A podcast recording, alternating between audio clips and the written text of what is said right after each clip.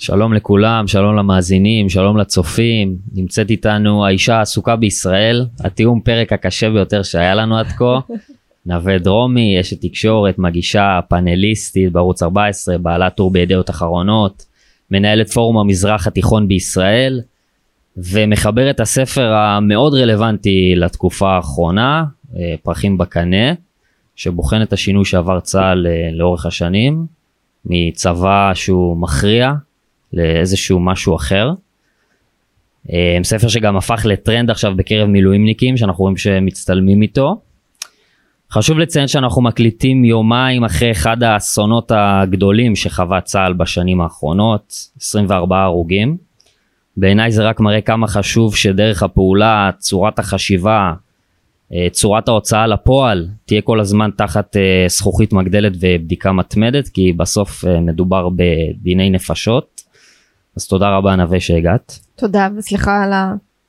על שהיה קשה לתאם. העיקר שאת פה. אמ, אז בעצם את ככה מתחילה ותולה את השינוי הזה אה, במהפך 77.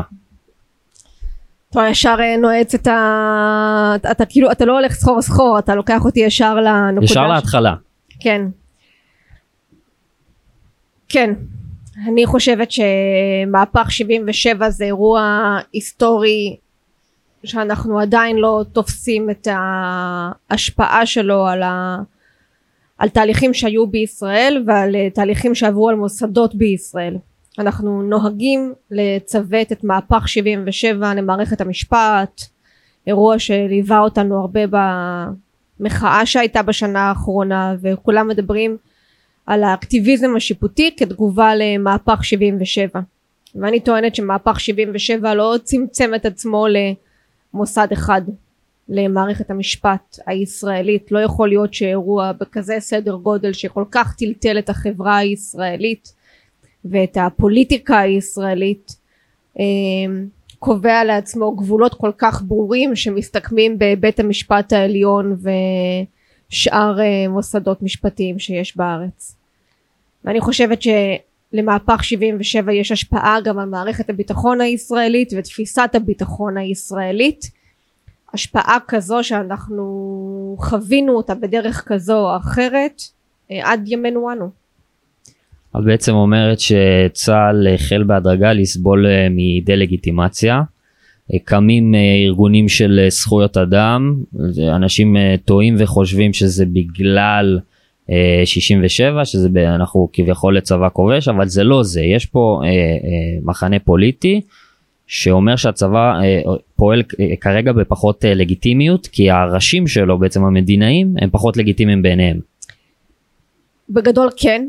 אני אנסה שנייה להרחיב את זה. אני חושבת שתפיסת הביטחון הישראלית אה, עד 77 פחות או יותר נשענה על אותן שלוש רגליים בן גוריון לקח את קיר הברזל של ז'בוטינסקי הפך אותו לתפיסת הביטחון הישראלית הרתעה התראה הכרעה אה, צבא ההגנה לישראל, מדינת ישראל האמינו בשחרור חבלי מולדת, בכיבוש, אה, מיליטנטיות, לא הייתה מילה גסה.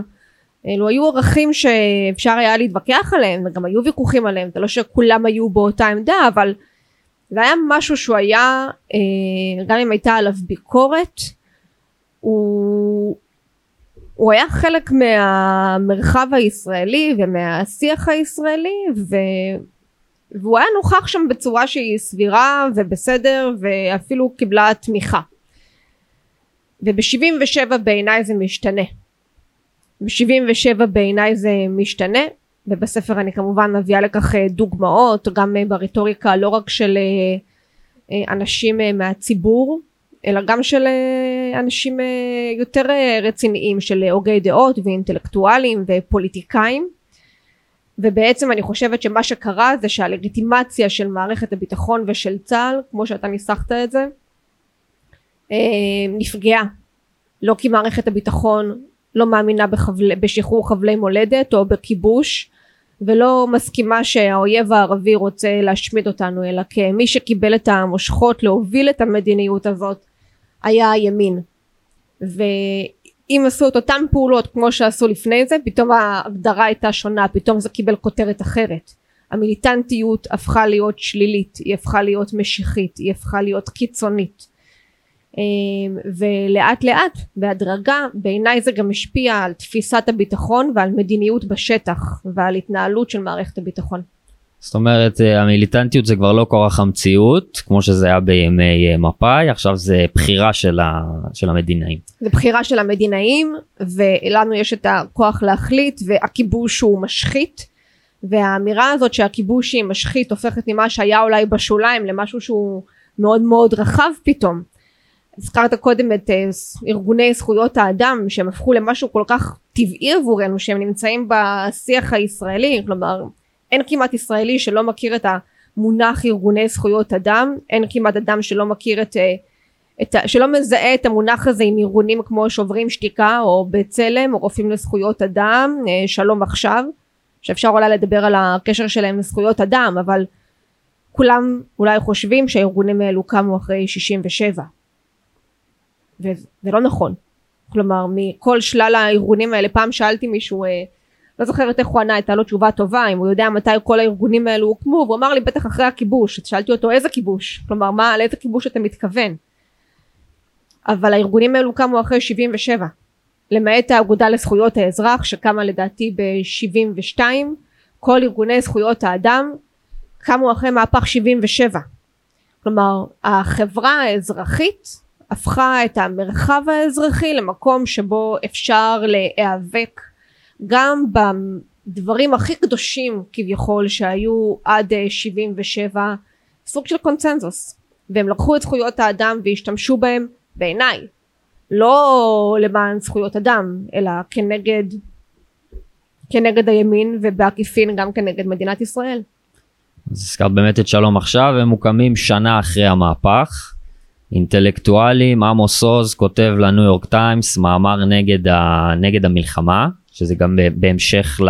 במלחמת לבנון הראשונה המלחמה הראשונה שניהל הימין. המלחמה הזאת נתפסה אצל חלק מהציבור כמלחמת ברירה המלחמת ברירה הראשונה.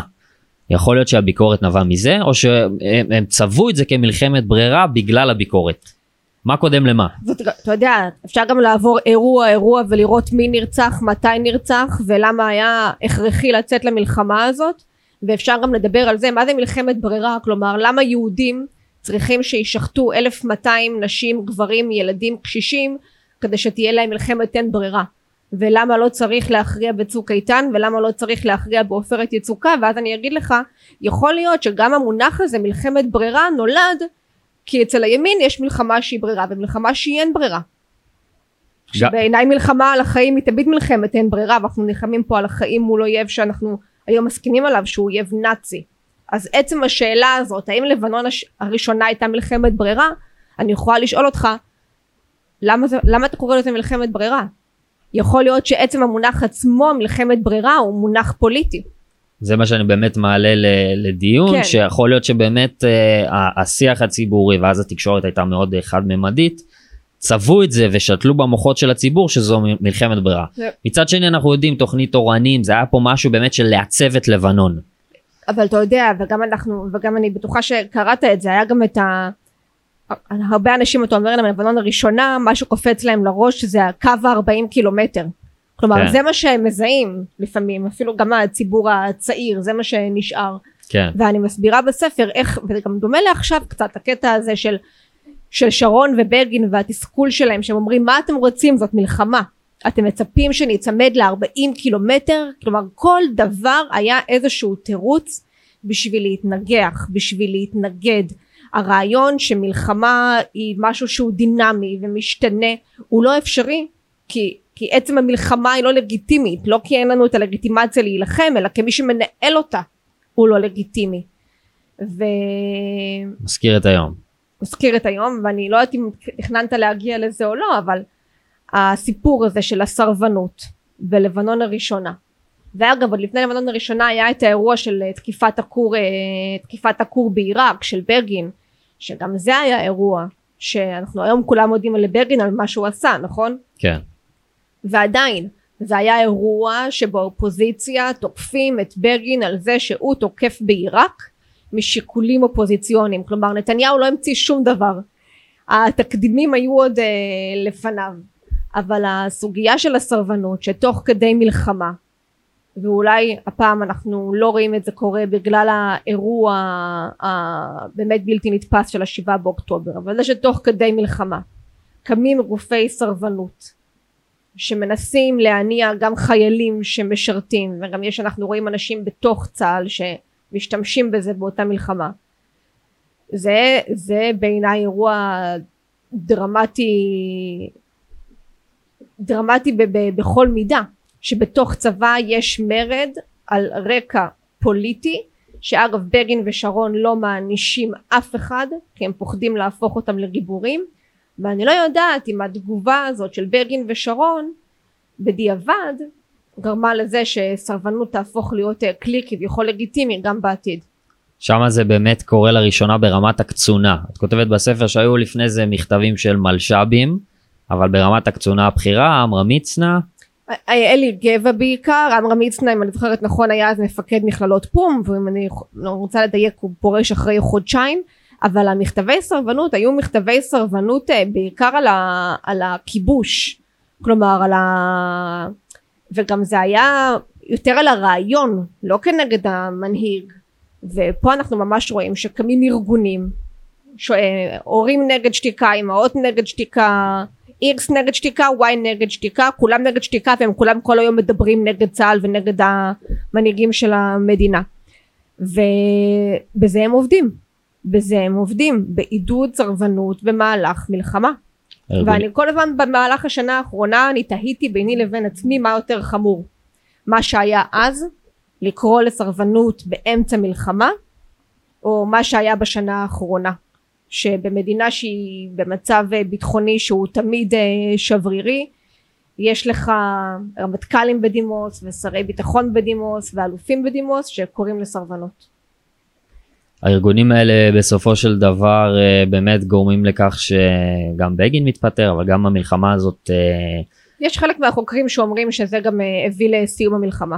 לסיום המלחמה זאת הנקודה שאני רוצה לגעת בה צריך גם להגיד ביושר שאם המטרה הראשונית תוכנית אורנים הייתה מושגת יכול להיות שכל המצב היום בצפון הארץ היה שונה נכון שאחר כך הייתה עוד מלחמה והיה הזדמנות לתקן את זה ואחרי זה גם יצאנו מלבנון אבל אם לא הייתה ההתערבות הזאת והממשלה הייתה יכולה לממש מדיניות אז יכול להיות שהמציאות שלנו היום הייתה שונה.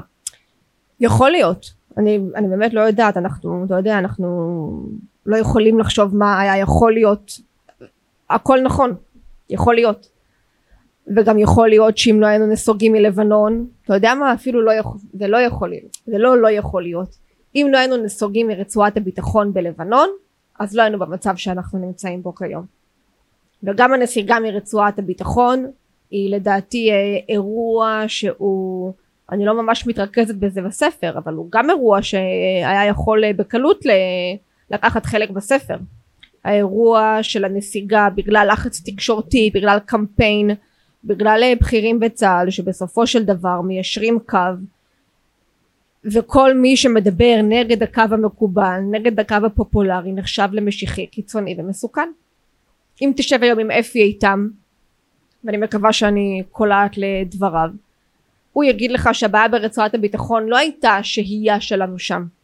הבעיה ברצועת הביטחון הייתה איך הצורה הטקטית הפריסה שבה אנחנו היינו פרוסים שם שבה ניהלנו את השהייה שם אבל הדבר אני הדבר הקל כביכול היה לקום וללכת הדבר הקל היה לקום וללכת ובאיזשהו מקום תפיסת הביטחון התאימה את עצמה לדברים שהם יותר קלים.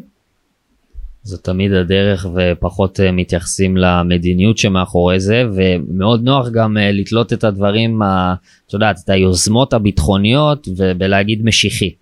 כי אז אתה גם מאבד ככה מהאלקטביליות.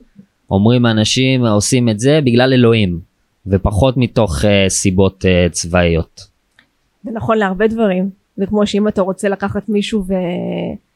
להפוך אותו למישהו שלא מקשיבים לו שהדברים שלו אין בהם תוכן ושהם לא שווים יותר מדי אתה יכול לקרוא לו שופר.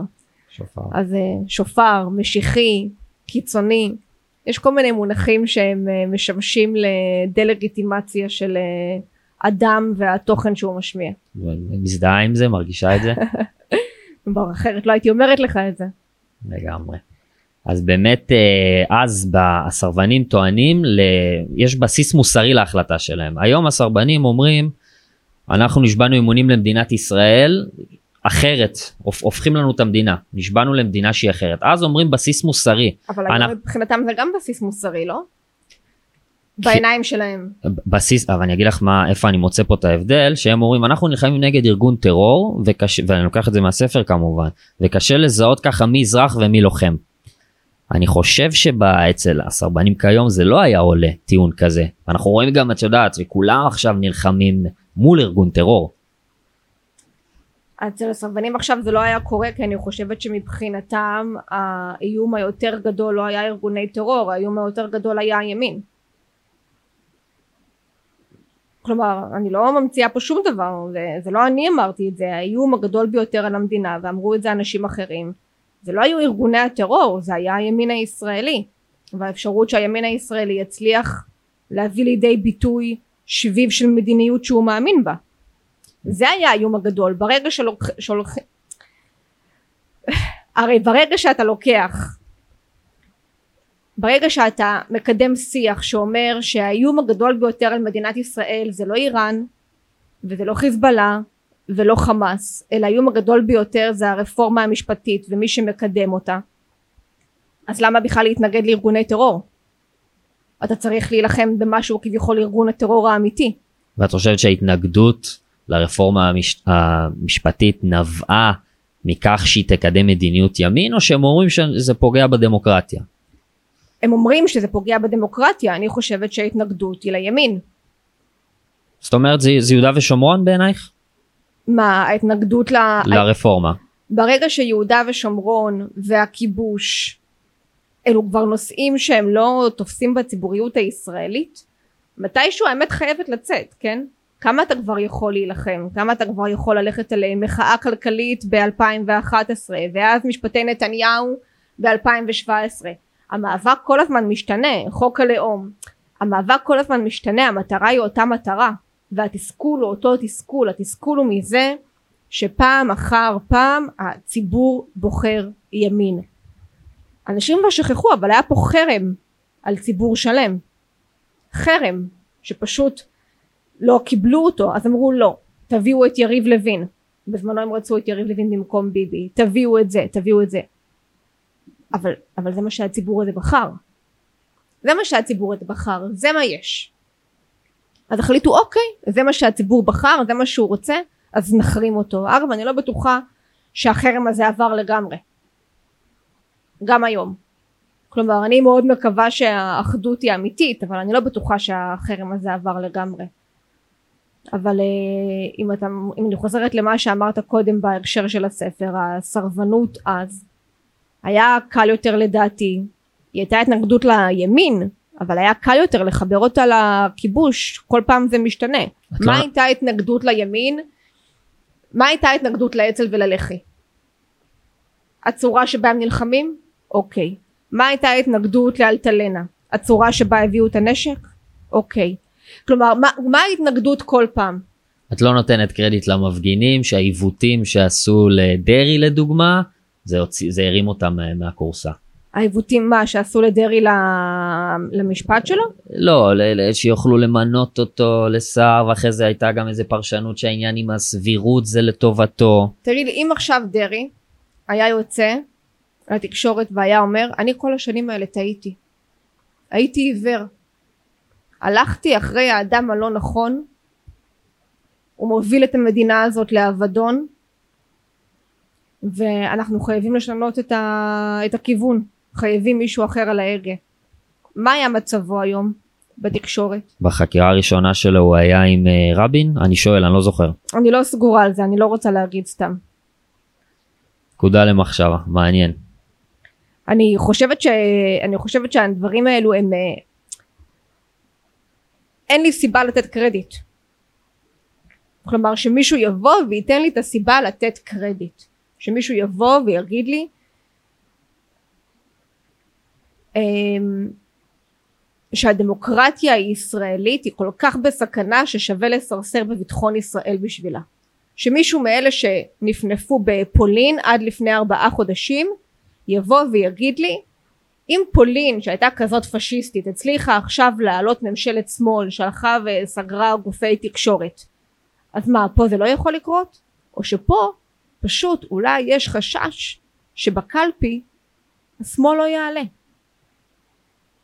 זה, זה החשש שבפולין השמאל בקלפי כן יעלה אבל פה בגלל המצב הביטחוני בגלל מה שקורה בסופו של דבר זה גובר והשמאל לא יעלה וזה בעיניי הפחד היותר גדול בגלל החשש מזה שבדרך הדמוקרטית הרגילה השמאל לא יחזור לשלטון וצריך את נפתלי בנט עם שישה מנדטים צריך להשתמש בכל התותחים הכבדים האחרים שהם אנטי דמוקרטיים.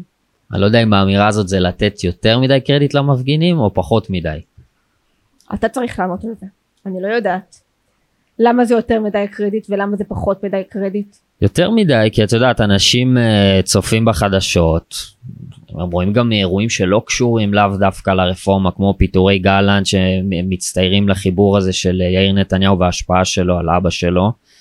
Uh, רואים את העניינים האלה גם של דרעי שזה איזושהי שחיתות כזאת פר אקסלנס שהיא מציקה גם לליכודניקים. ואומרים אני רוצה להפגין אני לא יודע בכלל מה, מה הרפורמה. ומאידך יש כאלה שיודעים מאוד לעומקה וזה בכלל לא כאילו סוגיות של יהודה ושומרון. כן אבל אמרת פה אני לא יודע על מה הרפורמה אבל אני רוצה להפגין. כן בגלל זה אני אומר זה... אני לא יודע אם את נותנת יותר מדי קרדיט או פחות מדי. בעיניי זה, זה פיחות מכבודם. אני זוכרת שהיו קטעים ש... תשאל אנשים היום מה ההתנגדות לרפורמה? שישראל, לא, שישראל כבר לא תהיה דמוקרטית. אוקיי? למה שלא תהיה דמוקרטית? כי, כי פוליטיקאים יבחרו שופטים ואתה אומר? אוקיי אבל הפוליטיקאים יהיו משני המחנות. כן אבל או שאתה אומר או שפוליטיקאים יבחרו משני המחנות או שאתה אומר ולמה זה יותר דמוקרטי ששופטים בוחרים את עצמם? כלומר איפה הדמוקרטיה פה? ואני לא יודעת אם אנחנו נקבל תשובה כנה על זה. אני חושב שאם אנשים שהם היו נקיי כפיים לגמרי בלי חשד למניעים זרים היו עושים את הדברים האלה שאת אומרת אז אולי זה היה מתקבל בצורה יותר אה, אבל מה זה נקיי כפיים? את אומרת יריב לוין ורוטמן זה אנשים שהם נקיי כפיים ואני, ואני מסכים והם הובילו את זה באמת אבל בפרקטיקה לי זה מרגיש גם בתור מי שהיה יועץ פרלמנטרי בעברו את יודעת בפרקטיקה מנסים לדחוף כמה שיותר 100% ואז אתה אומר יצא לך 60% ואז הם הכניסו למטחנה כוח עצום ומה שיצא להם זה לחץ ציבורי ואז הרעיון של רוטמן אני מזלזל בפחדים שלכם. יכול להיות שהימין התבלבל וחשב לרגע שהוא שמאל. כלומר הם כל כך אה, היו בטוחים בעצמם שהם חשבו שהם אה, מהפכנים כי השמאל עושה הפיכות והימין אה, הוא יותר אה, שמרן דברים אצלו עובדים לאט תמיד יש את הבדיחות אצלנו בימין ש-12 שנות ימין זה חצי שנת אה, שמאל אבולוציה ולא רבולוציה. ויכול להיות שהם התבלבלו שבשפת העם מה שנקרא עלה להם. וגם אולי אני עכשיו טועה. אולי גם אני מדברת מתוך uh, טראומה של uh, שנה שבה עברנו התעללות. בעיניי אנחנו עברנו התעללות. אנחנו עוד אנחנו לא אנחנו אנחנו עכשיו בטראומה של השבעה באוקטובר. אבל מה שעשו לנו בשנה האחרונה המחאות של הרפורמה זה פשוט התעללות בציבור הישראלי. וזה עבר בשקט וזה לא הזיז לאנשים וזה אפילו התקבל באיזושהי הבנה אבל השנה האחרונה זה אירוע היסטורי שייכתב עליו ואני אגיד לך עוד משהו לא יהיה טקסט שייכתב על השבעה באוקטובר שלא יתייחסו בו למחאה לא יהיה טקסט כזה אי אפשר לנתק בין המחאה והקולות שעלו לבין השבעה באוקטובר. חד משמעית. אני חושב שאם נתניהו היה מוציא את זה לפועל בפרקטיקות שלו, שזה כמו שאמרתי אבולוציה ולא רבולוציה, את יודעת, בעדינות, ולא לוין ורוטמן שהם קצת uh, בהשוואה אליו, בהש... כולם בהשוואה אליו, טירונים פוליטית, יכול להיות שזה היה נראה אחרת. אני לא יודעת, תשמע, גם יש בימין ביקורת על נתניהו מהכיוון היותר ימני שהוא מאוד סלחן כלפי מערכת המשפט. ושהוא במובן מסוים אה, אני לא יודעת איך להגדיר את זה אבל מאוד מחובר אליהם. ועכשיו כשהיה את המינוי של אה, אהרון ברק אה, להיות השופט שמייצג את ישראל בהאג דיברו על איזשהו קשר אפילו חברי שיש בין שניהם. ונתניהו לפעמים בקרב חוגים בימין נתפס כשמרן מדי בייחוד מול מערכת המשפט. ואני לא בטוחה ש... אני לא רוצה להגיד דברים שאני לא, לא סגורה עליהם אבל אני חושבת שהוא פשוט יכול להיות שהוא אפילו לא התחיל את התהליך הכי מתון שיש של הרפורמה במערכת המשפט. ואיכשהו כל הדברים האלה ביחד התנקזו לכדי האירועים שראינו בשנה האחרונה וחשוב להדגיש שום אירוע שהיה לא מצדיק את המחאה של השנה האחרונה. לא מצדיק ימי שיבוש לא מצדיק ימי זעם לא מצדיק התעללות באזרחי ישראל שבוע אחרי שבוע יום חמישי ויום שבת לא מצדיק.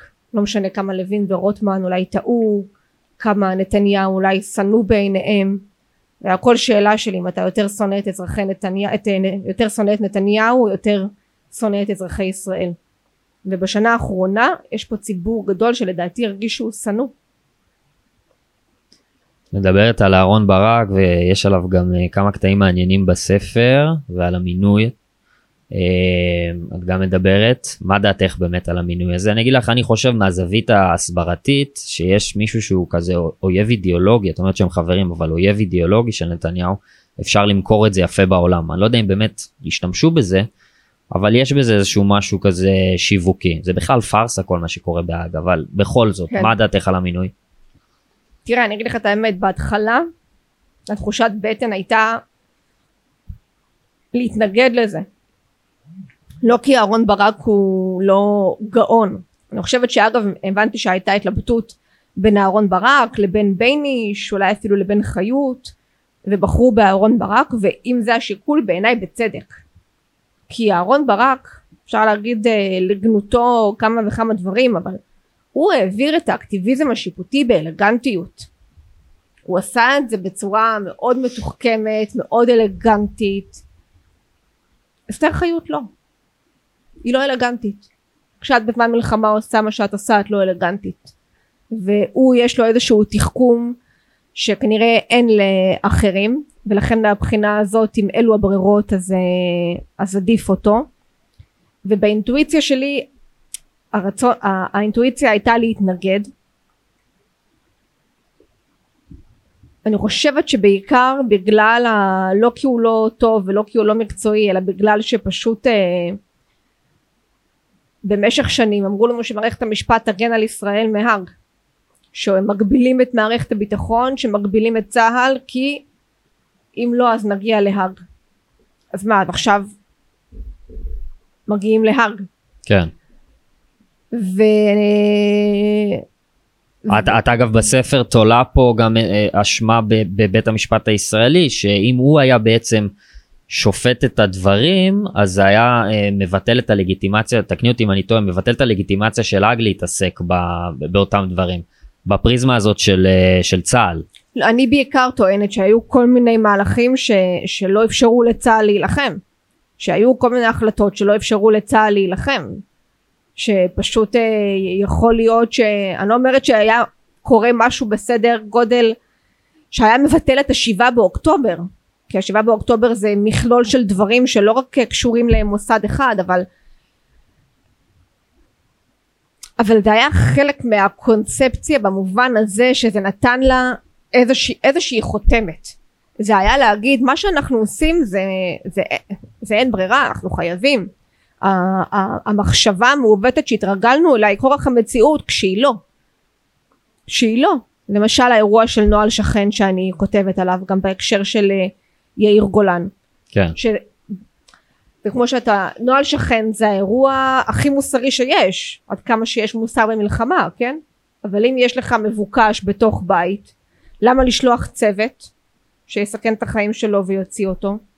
למה להוריד בית שאתה גם פוגע ברכוש ואולי גם בעוד אנשים שיש שם? למה לא לקרוא לאימא שלו שתוציא אותו מהבית? כלומר איפה, ה...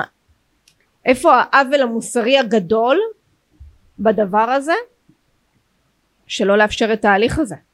בכלל את סוקרת פה בעצם העדפה שיוצאת מתוך חובות הדרכה של צה"ל, גם אה, של חיי אה, אה, אויב, חיים של אזרחים, אה, על חשבון אה, קצינים בצה"ל, על חשבון חיילים בצה"ל, שזה רחוק ממוסר יהודי. תראה, אני מאז השבעה באוקטובר, ככה מנסה יותר אה, לשים לב למונחים ולהגדרות, כי אני חושבת שאחרי השבעה באוקטובר כולנו עושים איזשהו חשבון נפש. אז אני רוצה ככה להיות אה, זהירה באיך שאני מציבה את הדברים. באיזשהו מובן כן. כלומר אנחנו הסתכלנו על האויב שלנו כחלש, כמוחלש, כ... כאויב שאנחנו צריכים תמיד לקחת בחשבון איזשהו תמיד לשמור איפשהו במוח את הצורך אה, לחוס עליו בצורה כזאת או אחרת. אני חושבת שלא זוכרת איפה אמרתי את זה שאם היית שואל אולי אפילו עדיין אם אתה יושב בישיבת מטכ"ל ואתה שואל שם האם הרשות הפלסטינית היא האויב שלנו? אני לא בטוחה שהתשובה תהיה חיובית. גם לא בדרג המדיני אגב ואנחנו פשוט לא ראינו ברשות הפלסטינית אויב שלנו וגם לא ראינו בפלסטינים אויב. תמיד זה היה אויב שלצידו האפשרות שיום אחד הוא יהיה פרטנר. כי אם ערפאת יכול להיות פרטנר ואם הדרג הצבאי אפילו מתגייס לכך שערפאת יהיה פרטנר שהוא רב מרצחים אז כל פלסטיני הוא פרטנר פוטנציאלי ואז גם אה, מחבל שמתבצר בבית אי אפשר לשלוח את אמא שלו שתוציא אותו החוצה וצריך להשתמש באמצעים אחרים. מערכת המשפט יוצאת נגד הנוהל הזה וגם נגד הגרסה המרוככת שלו. נכון, למעשה הוא מבוטל לגמרי. נוהל שכן מבוטל לגמרי ויש עוד דברים, תשמע גם הקש בגג, הקש בגג, ממה שאני יודעת לפחות, אחרי השבעה באוקטובר, ביומיים הראשונים, עוד עשו הקש בגג. שזה מטורף. כלומר תראה איך הרגילו את האנשים, את הלוחמים למחשבה הזאת שעושים הקש בגג אחרי ש... אחרי שהיה פה רצח עם. מי עושה הקש בגג אחרי רצח עם? אבל, אבל, זה, אבל זה העומק של, ה, של ההשפעה שאליה הדברים הגיעו. אפשר לדבר על הרבה דברים, אתה יודע גם מצד אחד אני אומרת את זה ואז מצד שני אני אומרת לא על הקש בגג זה כמובן שלא היה צריך ונוהל שכן שיעשו כמה שיותר אבל אפילו הקטע הזה של לשלוח uh, מסרים לשלוח כרוזים ולהגיד אנחנו הולכים לתקוף בשכונה הזאת אז תעברו לשם. עכשיו אם זה היה בשביל לשמור על החיים של הלוחמים שלנו הייתי יותר בסדר עם זה כן? אם, זה, אם זו הייתה מטרת העל לשמור על החיים של הלוחמים שלנו שהם יוכלו להילחם בשטח שהוא כמה שיותר סטרילי למרות שאמרתי אתמול בפטריוטים שבעזה אין דבר כזה מרחב סטרילי. אבל אה, אבל אני לא יודעת אם זה זה. יכול להיות שעושים את זה כדי שאחרי זה בהאג נוכל לבוא ולומר הנה בבקשה אנחנו איזה, איזה עוד איך אנחנו עושים רצח עם אם אנחנו מודיעים להם לאן ללכת? אז אני שוב אני תמיד נזהרת כי אני אומרת אנחנו מדינה שהיא נתונה לכל כך הרבה סטנדרטים שאף מדינה לא נתונה להם ואני לא יודעת אם זה גילי המופלג אבל אני אומרת לעצמי עם התחושות הקשות על זה שלא צריך לשלוח כרוזים אלא אם כן זה למען חיילינו אולי כן צריך להיות מוכנים ליום הזה שבהאג. מדברת על אה, מדינה שנתונה ללחצים אנחנו בעיקר נתונים לממשל דמוקרטי ככה מובהק נקרא לזה ככה הרבה מאוד אה, בארץ התרשמו מנאום הדונט מה נשאר מזה מתווכים אזרחים ב, ב, בצפון הארץ אני לא יודע מה זה אומר הדונט הזה ואני חושב שרק בפרספקטיבה היסטורית יבינו כמה הממשל הזה הוא בעייתי אה, מבחינת ישראל תמיד אנשים יוצאים שאומרים שהממשל הזה בעייתי כי הם עומדים פה לצידנו ובלי החימושים שהם מספקים לנו אה, לא יודע איפה היינו שזה גם ביזיון שאנחנו מדינה מודרנית עם כלכלת חימושים מול אה, ארגון טרור. אבל יש פה לחץ מטורף מארצות הברית, מממשל שהמחויבות שלו היא לסקואד. שהסקואד זה בעצם אה, אה, חברות קונגרס שהן אנטי אמריקאיות. זה יותר מאנטי ישראליות וביידן בשביל אני גם לא מבין פוליטית הרי כל החבר'ה האלה שכביכול לא יצביעו לו זה לא שהם יבואו להצביע לטראמפ כן. אני, אני קודם רוצה, אה, אמרתי לך שאני צריכה לכתוב לי לפעמים נקודות, כן. אבל אני רוצה רגע מה שאמרת קודם על הנושא של החימוש, ושכמעט לא נגענו על זה בחצי שעה שאנחנו מדברים, כן. על הסיפור הזה של צבא שוויתר על הרעיון של הכרעה וניצחון. ומשם משם המדיניות הזאת של צבא קטן וחכם כי המלחמות שהיו כבר לא יהיו והאויב השתנה. ולכן לא צריך את סדר הכוח ולא צריך את הטנקים שהיו לנו ולא צריך להתכונן למלחמה כמו שהייתה פעם. וצריך לשים את המשקל על חיל האוויר ועל אש מנגד וחיל היבשה זה משהו שלאט לאט מצטמצם ולא יהיה צורך בו. ורק תחשוב על זה על איך אתה נלחם בעזה בלי כוח היבשה שיש לך עכשיו ומה, ומה הוא עבר כלומר על כל ה... ה תחשוב על ההילה. אני לא אומרת שלא ב... אתה יודע מה? תחשוב על ההילה שהייתה למודיעין הישראלי. ואיך המודיעין הישראלי הפך לסוג של חברת הייטק כזאת שכולם רצו להגיע אליה וכמה זה נחשב ואיך אנחנו אתה, אתה, אתה מסתכל על הלוחמים האלה שמחרפים את נפשם בעזה בגשם שיורד עכשיו ואתה אומר שנייה אני לא מזלזל באלה ש, שעובדים על הסייבר הישראלי אבל אולי לוחמי סייבר זה מושג שצריכים לחשוב עליו עוד פעם. טוב מבחינה סמנטית? כן כי הלוחמים אלה שמחרפים את נפשם גם את הגוף ואת הנפש שאתה ואני נוכל להקליט פה פודקאסט הם בעזה. לגמרי. אבל אנחנו הלכנו לשם אנחנו קידשנו את הטכנולוגיה קידשנו את האש מנגד קידשנו את חיל האוויר והיינו בטוחים שהמלחמות נגמרו. וזה לא אנחנו זה לא אתה ואני זה הדרגים הבכירים ביותר. זה האנשים שמנהיגים את המדינה הזאת.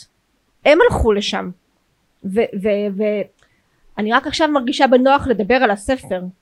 מעל מאה ימים מאז המלחמה כי בהתחלה גם עכשיו כשמדברים על הצבא ודברים שקרו וטעויות אני חושבת שצריך מאוד להיזהר כי הצבא הזה נלחם ואין לנו צבא אחר והוא הצבא הכי טוב שיש לנו. ואני גם סומכת ב-200 אחוזים על הלוחמים שלנו והלוואי וכולנו נקשיב להם גם הבכירים ביותר. אבל יום אחד נצטרך לשבת ולדבר על זה. ובוועדת חקירה לא ידברו על זה.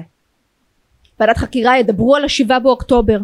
ישאלו למה לא היה צבא למה עמדו לוחמים מחוץ לבארי? וזה לא הלוחמים שעמדו מחוץ לבארי. זאת התפיסה זה העיוות שעמד מחוץ לבארי. זה עיוות של עשרות שנים ואת העיוות הזה לא יחקרו. וכדי שהשבעה באוקטובר לא יחזור על עצמו עוד פעם חייבים ללכת אחורה ולהבין מה קרה שאנחנו החלטנו שתורת הלחימה משתנה שתפיסת הביטחון הישראלית משתנה ואנחנו מביאים את עצמנו למצב של השבעה באוקטובר. ואני לא יודעת אם יהיו את האנשים שירימו את הכפפה ויעשו את זה באמת. כי היום גם באולפנים אני רואה את אותם אנשים. דיברנו על לחשוב מחוץ לקופסה לא מזמן אייזנקוט אמר את זה בריאיון בריאיון סליחה. כן. מעניין אם יהיה מישהו שיחשוב מחוץ לקופסה בהיבט של לחקור באמת לעומק מה הביא לשבעה באוקטובר זאת אומרת לא קצה הקרחון אלא באמת הפילוסופיה שמאחורי הדבר שבספר יש הרבה תשובות לזה. חייבים חייבים אין לנו את הפריבילגיה לא להבין אין לנו את הפריבילגיה לא להבין כי עוד שנתיים מישהו יעביר ביקורת על מערכת הביטחון או על צה"ל ויקראו לו שוב משיחי וקיצוני כן. ויגידו שוב שהוא מסכן את אה, ביטחון ישראל ואחרי אה, שנתיים שנהיה בעזה יבוא מישהו ויגיד למה אנחנו צריכים להיות בעזה? למה אנחנו צריכים את הדבר הזה? ואז פתאום זה יהפוך להיות משהו שכולם מסכימים עליו למה צריך להיות בעזה? כי ישכחו את השבעה באוקטובר כי הזיכרון הוא קצר. אבל זה מה שיקרה. זה כבר אתה רואה ניצנים של זה של למה צריך להיות בעזה אבל זה אבל אם אנחנו לא נבין את זה לעומק שום דבר לא ישתנה ונשאיר הנכדים שלנו שהם אלו שישחטו, יאנסו ויטבחו בשבעה לאוקטובר של עוד חמישים שנים. ולגבי האמריקאים אין לי, זה מתסכל מאוד. זה מתסכל מאוד. וגם, אתה יודע, זה הכל אה, מתחבר. אני, הנאום של ביידן בהתחלה היה מדהים. זה היה נאום לנפש, באמת. זה היה נאום לנפש. אנחנו היינו חבוטים, אנחנו היינו בתחתית שלנו. אנחנו היינו צריכים שמישהו יבוא ויוציא אותנו מתהום הנשייה. ואני חושבת ש, שביידן עשה את זה. ביידן נתן לנו, נתן לנו אוויר, נתן לנו חמצן בנאום הזה וב, וביממה שאחריו וב, ובכלל בהתנהלות בהתחלה. אני לא רוצה להגיד שזה חיבוק דוב כי יש הרבה יתרונות כמובן לקשר עם האמריקאים וזה קשר שאין מה לעשות אין לנו כמותו אבל אבל צריך לדייק אותו. צריך לדייק אותו וצריך לצמצם את התלות. וצריך אה, לדעת איך לנהל אותו. ו... והעובדה שאנחנו כאילו אתה יודע מסתכלים על הבחירות בארצות הברית בכזאת אה, בכזה עניין כי אנחנו מבינים שמי שיבחר תהיה לו השפעה עלינו. יש תיאוריה. ש... יש תיאוריה שנתניהו רוצה למשוך את המלחמה בעצם לנובמבר, שאולי. יבוא לו טראמפ. שאולי יבוא לו טראמפ. אגב, אני, אני פעם הייתי מהאנשים שחשבו שטראמפ הוא מעולה לישראל. היום אני לא יודעת. היום אני חושבת, אני חושבת שהוא, שהוא כן בהיבט הזה, אם הוא היה בשבעה באוקטובר, הוא היה נותן לנו מרחב תמרון, אבל יש כל מיני דברים שהם לא צפויים אצלו. ו... וזה קצת uh, מפחיד אותי. אני חושב שזה יותר עמוק בפוליטיקה האמריקאית הקצוות הם, אה, הם אנטישמים והוא במפלגה הרפובליקנית אני חושב שבאסנס שלו הוא, הוא, הוא פרו ישראל והמעשים שלו דיברו בעד עצמם. גם לא אנטישמי בשום צורה. בשום, הנכדים שלו יהודים. כן, לא, כי היו כאלה שאמרו שהוא מזוהה עם החוגים האנטישמיים, זה קשקוש מארץ הקשקושים. כן, אבל אני חושב שכן ה base הזה של, ה... של האנטישמים, של ה America First, של ה MAGA, להבדיל מדה סנטיס שפרש לצערי, ומניקי היילי שהם מכוונים יותר למיינסטרים השמרני, האוונגליסטי, אלה שבערכים שלהם הם תומכי ישראל, הוא, טראמפ גם קורץ לחבר'ה האלה. כן. בפעולות שלו אני בטוח שהוא יהיה בעדינו. אבל, אבל אתה יודע שזאת התגובת נגד לאובמה. טראמפ הוא תגובת הנגד לאובמה כי כל דבר קיצוני מעלה משהו קיצוני וזה הזכיר לי אתה יודע גם מה, ש, גם מה שאנחנו אומרים על התפיסה כאן בישראל אני זוכרת שאובמה ב, בתקופת דאעש לדעתי זה היה שהיו לוקחים אמריקאים שמים אותם על הברכיים בסרבל כתום ושוחטים אותם מול המצלמה. עמד מול המצלמה ופשוט לא הסכים לקרוא לזה טרור אסלאמי רדיקלי. פשוט לא הסכים. והאמריקאי הממוצע השתגע מזה. כלומר הקיצוניים לא היו מעלים את טראמפ לשלטון טראמפ עלה לשלטון כי גם היה משהו בזרמים היותר מתונים כמו שאתה קורא להם שלא היה יכול לסבול את זה שעומד המנהיג של המעצמה הגדולה ביותר בעולם ולא מסוגל לקרוא לאדם שכל נשימה שלו בעולם היא מיותרת שרוצח אמריקאי בשחיטה רוצח אסלאמי רדיקלי. כאילו הדבר הכי פשוט שיש. אנחנו לא ראינו ברשות הפלסטינית אויב. אובמה לא ראה בדאעש טרור אסלאמי רדיקלי. וזו תגובת נגד. את אומרת אמריקאי ממוצע זה, זה מביא אותי ככה לתיאוריית ה-replacement theory שבעצם אומרים אנחנו נשנה את האוכלוסייה של ארה"ב ואז הממוצע האמריקאי הוא יהיה אחר כי אם את מביאה חבר'ה ש... שהם, שהם לא אמריקאים באסנס שלהם והמטען הערכי שלהם הוא אחר, אז את גם משנה את האמריקאי הממוצע. וזה בעיניי הסכנה האסטרטגית הכי גדולה למדינת ישראל כי אם יהיו לך אה, עוד חבר'ה כמו החבר'ה שמרכיבים את הסקוואד שהם אה, את יודעת פליטים מסומליה פליטים מכל מיני מקומות כאלו אמריקה תשתנה ואנחנו רואים את ההשפעה הזאת אנחנו רואים את ההשפעה הזאת עכשיו הם, הם לא יודע, הם עשרה אחוז, אני זורק פה מספר כי אני, אתה יודע, אתם נראים לי ב, עדיין מיעוט במפלגה הדמוקרטית. הם מיעוט שם, כן, הם מיעוט. אבל uh, זה מיעוט שהוא גדל. וזה הסכנה אצל הדמוקרטים. את מביאה אנשים שבמטען הערכי שלהם אין את החיבור הזה לישראל. אצל האמריקאי הלבן האוונגליסטי, או אפילו האיטלקי מסטטן איילנד, יש איזה שאומרים וואלה ישראל זה קוץ ליברלי במזרח התיכון אנחנו עפים על זה. אצל החבר'ה האלה זה לא ככה. זה לא ככה וזה גם קיבל גיבוי אחרי השבעה באוקטובר מההנהגה הכי בכירה. אני לא זוכרת שקראתי משהו אחד של מישל אובמה על מה שקרה מאז השבעה באוקטובר. לא זוכרת שקראתי משהו, אתה זוכר משהו כזה? אני יותר מזה, אני צייצתי על זה, כי הרי יש לה, היא הייתה בקמפיין הזה של הבנות נכון. שנחטפו על ידי בוקו חרם, היא כתבה bring them home. זאת אומרת, מהבנות האלה אכפת להם, אבל מכפיר ביבס לא. מישל אובמה לא אמרה מילה. ברק אובמה כתב בהתחלה משהו כזה מאוד, אה, מאוד אה, מלכת יופי, וזהו. הוא יצא עם סינק מזעזע בעיניי מאוד uh, מנסה להיות מאוזן איך אתה מבין? אז, אז כאילו אתה מדבר הסקווד נכון שזה מיעוט אבל זה קיבל גיבוי מה... מההנהגה מנשיא ארה"ב לשעבר. יכול להיות שבפרספקטיבה היסטורית הוא הנשיא הראשון של, של הסקוואד בעצם. כן כלומר יש עדיין דיבורים לא יודעת כמה הם אמיתיים שמישל אובמה יום אחד תהיה מועמדת אה, לנשיאות ארה"ב. ויש אנשים שיצביעו לה כן? זה ברור לנו אבל אני לא יודעת כמה היא שונה למשל מ... איך קוראים לה הקורטז הזאתי או או טליב. שכחתי שכחתי את הדענות הזאתי עם הזאתי הסומלית. ברח לי השם שלה.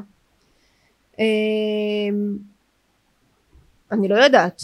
יכול להיות שהיא לא מרשה לעצמה לצאת עם אה, לשים דגל אה, אש"ף מעל אה, הכניסה לבית אבל היא לא אמרה שום דבר נגד אם אתה לא אומר שום דבר נגד השבעה באוקטובר מבחינתי אתה תומך או לפחות אה, או לפחות אה, לא, לא, לא מתנגד לא, לא מתנגד במלוא מובן המילה. השתיקה בעולם היא מזעזעת. כן אבל ככה זה כשיש יהודים. ממש ככה. נלך ל... ניצמד לתסריט לגבי מה שהכנו על הספר. לא חייבים. פוסט הירואיות בעיניי זה משהו שהוא סופר מעניין ורלוונטי. פוסט הירואיות כן זה מושג שמי שטבע אותו זה אה, אדוארד לוטבק אה, מוגה דעות אה, צבאי שהוא אומר שהמלחמות של המערב בעצם מתאפיינות אה, בשני אה, יש להם שני מאפיינים עיקריים שזה אומר כמה שפחות להרוג וכמה שפחות להיהרג. אה, הוא לא הוא כותב את זה באופן כללי על המלחמות של המערב ש... מתי הוא זיהה את זה היסטורית? אני, חוש... אני חושבת שזה שנות ה-90. אני אגיד לך לא למה, לא כי אני חושב שמי שזיהה את זה לפניו זה נסראללה בנאום קוריאה עכביש. כן? שהוא אומר הישראלים קודם כל הוא אומר זו חברה של קורי עכביש והם לא יכולים לספוג מוות של, של חיילים ושזה נכון. למרות שפה אני לא יודעת אם זה נופל תחת אותה קטגוריה. כלומר ה... תראה זה כמו שהאמריקאים המחויבות שלהם לחזרה של אה, שבויים היא לא כמו שלנו. פשוט אצלנו יש ה-DNA היהודי לא מאפשר לנו לוותר על אה, אף יהודי. לא משנה מי הוא ומה הוא ו... ואני חושבת שזה, שזה נכון ואני חושבת שזה מה שמייחד אותנו והופך אותנו בין השאר יחד עם עוד דברים לעם המיוחד שאנחנו. אני חושבת שהסיפור הזה של הלא להרוג ולא להיהרג הוא משהו שהוא יותר גדול אה, לא יותר גדול אבל הוא משהו שהוא מאפיין לא רק, אה, לא רק את ישראל אלא עוד אה, צבאות מערביים אני זוכרת שבאיזשהו שלב לפני כמה שנים יצא יצאה איזוש, יצא איזושהי איגרת של גנרלים לשעבר בצבאות אחרים שאמרו שישראל מציבה סטנדרטים לא אפשריים לצבאות אחרים בדרך שבה היא מתנהלת במלחמה שלה מול הטרור. למה זה לא מפומפם הסברתית כזה זה דבר? זה היה מזמן, אני חושבת שזה היה ב-2000 ואני רוצה להגיד 2012, מזמן. ו... ואז זה עבר מתחת לרדאר כי זה פשוט לא, לא עניין אף אחד. אנחנו היינו בשלנו. אז נכון שאדוארד לוטבק צודק לגבי המערב אבל אני חושבת שישראל יש סטנדרטים שהיא מציבה על עצמה גם בגלל שאנחנו חושבים ש...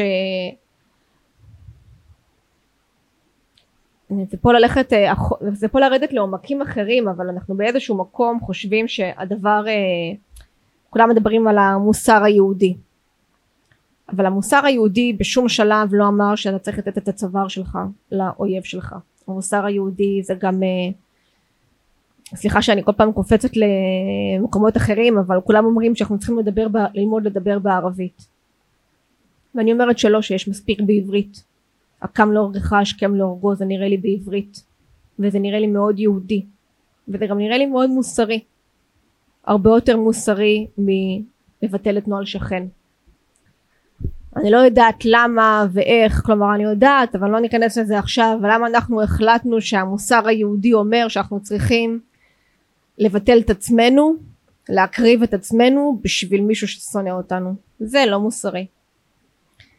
אמ, אני חושב שהבעיה בחברה הישראלית שמסתכלים על מה שאת אומרת מי שמוכר את זה לחברה הישראלית זה כמה שזה כאילו בוטה להגיד את זה זה אנשים עם כיפה. ואז זה יוצר איזשהו משהו הם ביהודה ושומרון לא בגלל שזה ערים שמגנות על המרכז אלא בגלל שהם דתיים. זה, זה עדיין ככה כלומר הייתי רוצה להגיד שמה שאתה אמרת עכשיו זה משהו שלפני השבעה באוקטובר אבל לצערי זה עדיין ככה ואני חושבת שעד ש... תראה הם מזהים את זה אולי עם האנשים ביהודה ושומרון אבל אני חושבת שזה משהו שגם מזוהה עם, עם, עם רוב הציבור הישראלי שהוא פשוט אה, לפעמים מפחידים אותו. פשוט מפחידים אותו. אתה כאילו אני לא רוצה שזה יישמע לא נכון אבל יש הרבה אנשים שפשוט אנחנו לא הגענו לזה ואפשר לדבר הרבה אבל התפקיד של התקשורת הישראלית במה שקרה בשבעה באוקטובר והתפקיד של התקשורת הישראלית בשנת המחאה ואיך הלעיטו את הציבור ואיך הפחידו אותו על הדברים הלא נכונים.